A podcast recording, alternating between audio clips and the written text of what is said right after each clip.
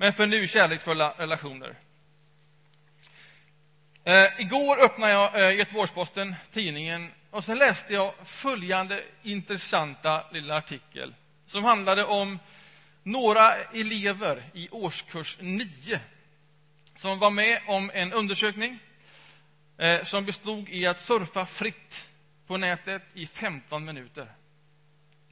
Eh, samtidigt hade man eh, försett deras ögon eh, på något sätt så att man kunde mäta ögonens rörelser och se vad ögonen uppfattade och, och vad de fastnade på när man surfade fritt. Och så står det i artikeln att på de här 15 minuterna så registrerade de, tog emot 132 reklambudskap. Och det är ju intressant. 132 reklambudskap på 15 minuter fritt surfande.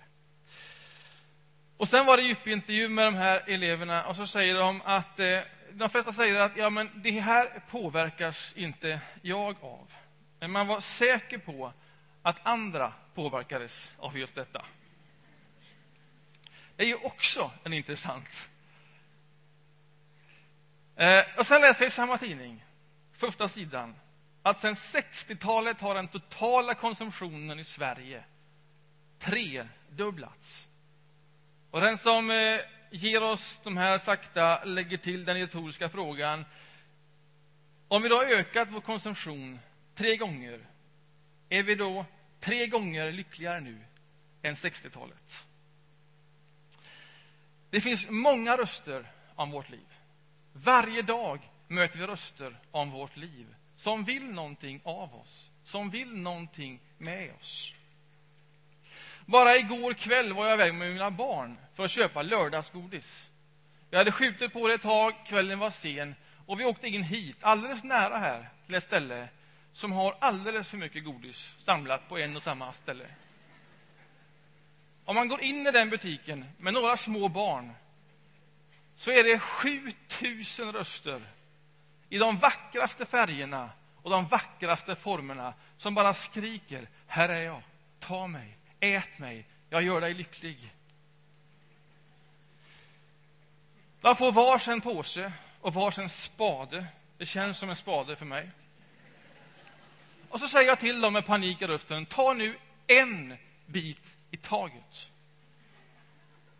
Det är inte så enkelt.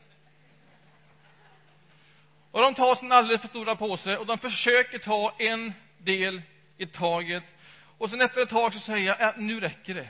Nu räcker det. Ja. Och så går det 30 sekunder och så säger de, ja men bara en bit till. Och så säger jag, nej, inte en bit till. Bara en bit till. Ja, okej, okay, en bit till, säger jag. Och sen går det 30 sekunder till. Och så säger de, bara den sista.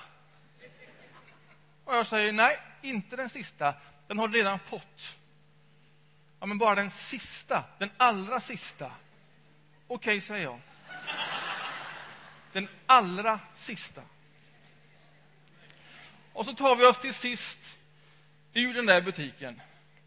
Och de är jättelyckliga. Men jag vet ju det, och de vet ju det, att det där var ju inte den allra sista. Det kommer snart en ny lördag. Och frågan är om vi blir klokare med åren, vi vuxna. Och jag undrar om vi blir det. Jag tror bara att lördagsgodiset blir dyrare och dyrare. Det är allt som händer. Jag vill inte bara stå här och moralisera över all konsumtion. Det vore allt för enkelt och onödigt. Därför att all konsumtion är inte dålig. Det är okej okay med lördagsgodis. Om vi inte tillskriver det allt för mycket värde. Och det är lätt att göra det. Om vi inte tror för mycket om en påse lördagsgodis. Det är lätt att göra det. Bara vi inte lurar oss själva och tror att det verkligen är den sista och att det verkligen är det som gör oss lyckliga. Vi vet ju bättre än så, alla vi. Oavsett hur dyr lördagsgodispåsen är. Och samtidigt, så här ser vår vardag ut. Tusentals röster som hela tiden ropar på oss. som vill oss någonting. Så vad har du för strategi för att ta dig igenom det här livet på ett helt sätt, på ett gott sätt? Vilka röster lyssnar du på? Vad lyssnar du mest på? Så att du inte går genom livet alltför missnöjd över det du inte har, inte har råd med, inte uppnår, över allt det som inte blev som du kanske hade tänkt och föreställt dig. Vad har du för strategi? I din predikan idag så tänker jag uppmuntra dig att ge plats för någonting som du faktiskt har. Som du har nära dig. Som alla har nära sig och som alla har tillgång till. En röst som är viktigare än alla andra röster. Den skulle jag vilja att du hörde idag.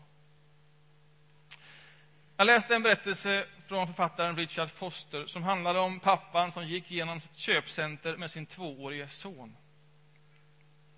När jag läste berättelsen så tänkte jag typ Nordstan eller Frölunda torg efter jobbet. Och du ska igenom ett antal butiker med din tvåårige son. Eller Ikea en söndag eftermiddag. Känn på den. När barnet är inte tillräckligt gammalt för att vara i bollhavet. Den här pojken var grinig, gnällde och drog hela tiden åt olika håll. Och pappan han kämpar för att hålla sig lugn. Och sådana historier brukar sällan sluta lyckligt. I know. Men han väljer en överraskande strategi. Han tar upp sin son, håller honom tätt intill sig själv och så börjar han sjunga en kärlekssång. En improviserad kärlekssång med ord som inte rimmar. Han sjunger rätt falskt. Men han sjöng sitt bästa. Och han sjöng på riktigt. Och han delade sina innersta känslor. Och han sjöng Jag älskar dig. Jag älskar dig. Jag är så glad att du är min pojk. Du får mig att skratta. Så gick de igenom hela köpcentrat. Och sen när de kom tillbaka till bilen och pojken var fastspänd i sin bilstol igen och pappan tog ett djupt andetag. Då sträcker pojken upp händerna igen, tittar på sin pappa och säger Sjung den igen. Sjung den igen. Jag tror aldrig vi blir för gamla för att höra den sången. Aldrig. Den sången som uppfyller vårt inre som inget annat kan uppfylla vårt inre. Som inget kan göra som går att köpas för pengar. Eller genom egen ansträngning. Den där sången varigenom du bara låter dig älskas. Det är allt. För mig är det en fantastisk bild. En viktig bild. Och en verklig bild om hur Gud håller mig tätt intill sig och hur han delar sina känslor för mig, över mig, genom mig. Och han sjunger sin sång, sin bästa sång för mig när vi tar oss igenom det här livet tillsammans. Och vad är det för sång? Guds bästa sång utan rim. Du har hört den förut. Jag ska läsa ifrån Johannes evangelium, kapitel 3. Johannes evangelium, kapitel 3 och vers 16. En enda vers. Så älskade Gud världen att han gav den sin enda son för att de som tror på honom inte ska gå under utan ha evigt liv. Så älskade Gud världen att han gav den sin enda son.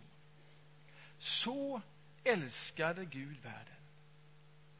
Så älskade Gud mig och dig och oss att han gav och ger sin enda son. Och det här är en sång mer än bara vackra ord. Det här är en sång där varje ord backas upp av handling. Det här är en sång som är historiskt dokumenterad om hur Guds son, han som han ger och gav, ger sitt liv för oss. Det här är en sång som faktiskt påminner om det som faktiskt hänt. Och som handlar om mig, om dig och om oss. Den beskriver någonting, och det här är viktigt, som hände långt innan vi tänkte på det. Långt innan vi visste om det. Långt innan vi fanns till. Så hände detta, det sången handlar om. Och Paulus han beskriver det så här, medan vi ännu var syndare, alltså långt från Gud. Det var då Jesus dog, hans enda son. Det var då han dog för oss. Det är så Gud bevisar sin kär, kärlek. Alltså, vad betyder det här? Jo, detta. Lyssna här. Denna kärlek har inte någonting med din ansträngning att göra. Inte någonting. Inte någonting. Det där skulle jag behöva upprepa många gånger. Där skulle vi göra en så att säga, gospelvamp omkring. Inte någonting, inte någonting, inte någonting med stämmor, så att det gick in. Därför vi är så ovana vid att, att min ansträngning inte påverkar Guds kärlek någonting. Kan det vara så? Ja, men det är svårt att få in. Men så älskar Gud att han gav. Att han ger oss Jesus Kristus, som ger oss själv till oss och som ger sin ande istället för sig som ska påminna oss om hur Gud ger allt detta till oss. Och när Paulus beskriver vad som då händer med en människa när vi tar emot den Guds kärlek som ges, uttryckt genom Jesus och tillgänglig genom helig Ande, då är det, skriver Paulus, som att få kärleken utgjuten i sitt hjärta. Och detta har ingenting med min egen ansträngning att göra. Ingenting. Så är det här ett enkelt sätt att övervinna onödig konsumtion. Det var där vi började. Nej, det finns inga sådana enkla sätt, vad jag vet. Men det ger ett nödvändigt, livsnödvändigt perspektiv på tillvaron, på vad som verkligen är viktigt.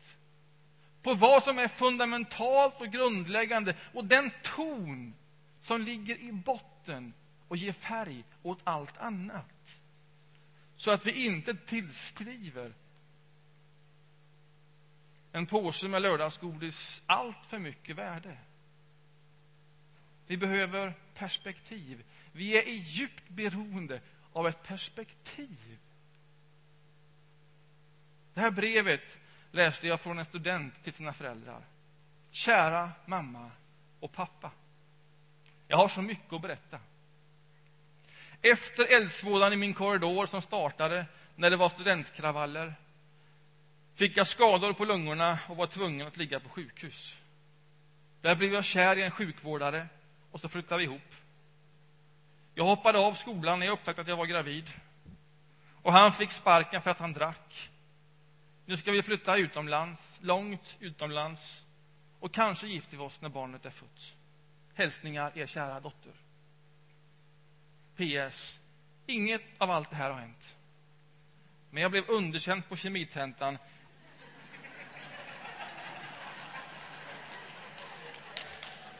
och ville att ni skulle få rätt perspektiv på det.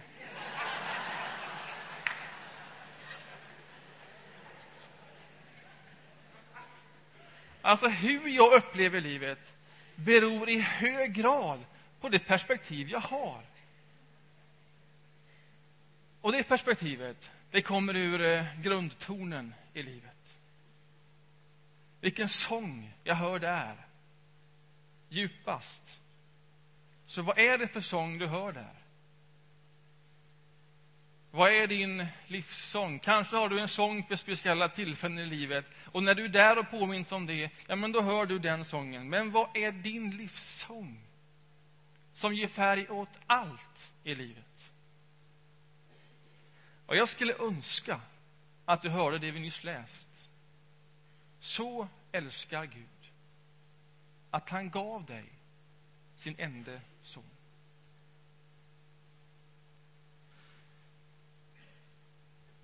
Det viktigaste att säga om Guds kärlek är just detta som där står. Att han gav. Att han ger det vackraste och dyraste. Och att han gav, inte därför att, utan han bara gav. Gud älskar inte som svar på någonting annat som du gör. Han bara ger sin kärlek. Det finns ingenting du kan göra eller säga. Det finns ingenting av egen ansträngning som skulle få Gud att älska dig mer eller mindre. Guds kärlek påverkas inte av din egen ansträngning. Han bara gav och ger. Så här säger C.S. Lewis om Guds kärlek. Gud som inte behöver någonting älskar fram helt överflödiga varelser för att han ska få älska och fullkomna dem. Gud älskar oss som ett barn älskar sin nalle. Barnet älskar inte sin nalle därför att hon bara älskar henne. Och omgivningen, typ föräldrarna, har ingen aning om, kan inte ens förstå varför hon valt just den underliga nallen av alla nallar. Eller varför sonen har valt en viss bil att ha bredvid sig på kudden när han sover. Men de har valt. Och när de har valt då älskar de sina överflödiga varelser. De älskar de vackra och de fullkomnar dem med sin kärlek. Så älskar Gud. Ni har inte utvalt mig, utan jag har utvalt er. Så säger Jesus. Och så älskar Gud hela tiden Hela tiden, hela tiden, vare sig du vet det eller inte. Vare sig du bryr dig eller inte. Vare sig du tar emot det eller inte.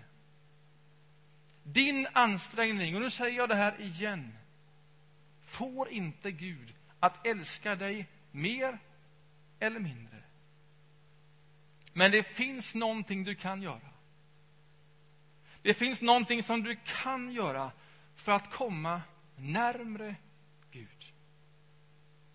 Så att du hör sången klarare, tydligare och djupare. Och vad är det? Ja, det här kan låta motsägelsefullt.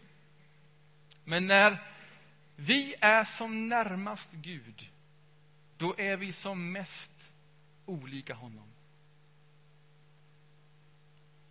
När vi är som närmast Gud, då tar vi bara emot. Det är han som ger. Vi är som närmast Gud när vi uttrycker vårt beroende av honom och när vi inser att vi faktiskt inte har någonting att komma med. Vi är de där överflödiga varelserna som han har skapat ur sin kärlek för att genom kärleken fullkomna dem. Det vi kan ge, det är våra liv. Och inte ens det är egentligen vårt. Vi ger tillbaks det vi har fått. Det som redan är hans. Livet som en gåva. Vi är skapade till honom Och när vi uttrycker vår kärlek i lovsånger och sånger, i bön som vi gör en gudstjänst som här, så är det egentligen bara ett svar på hans kärlek. Så uttrycker det egentligen inget annat än ett, ett tack. Ett tack och en bön. Jag behöver detta. Och sen låter vi oss älskas genom den sången. Du är som allra närmast Gud när du bara låter dig älskas. Hör du det?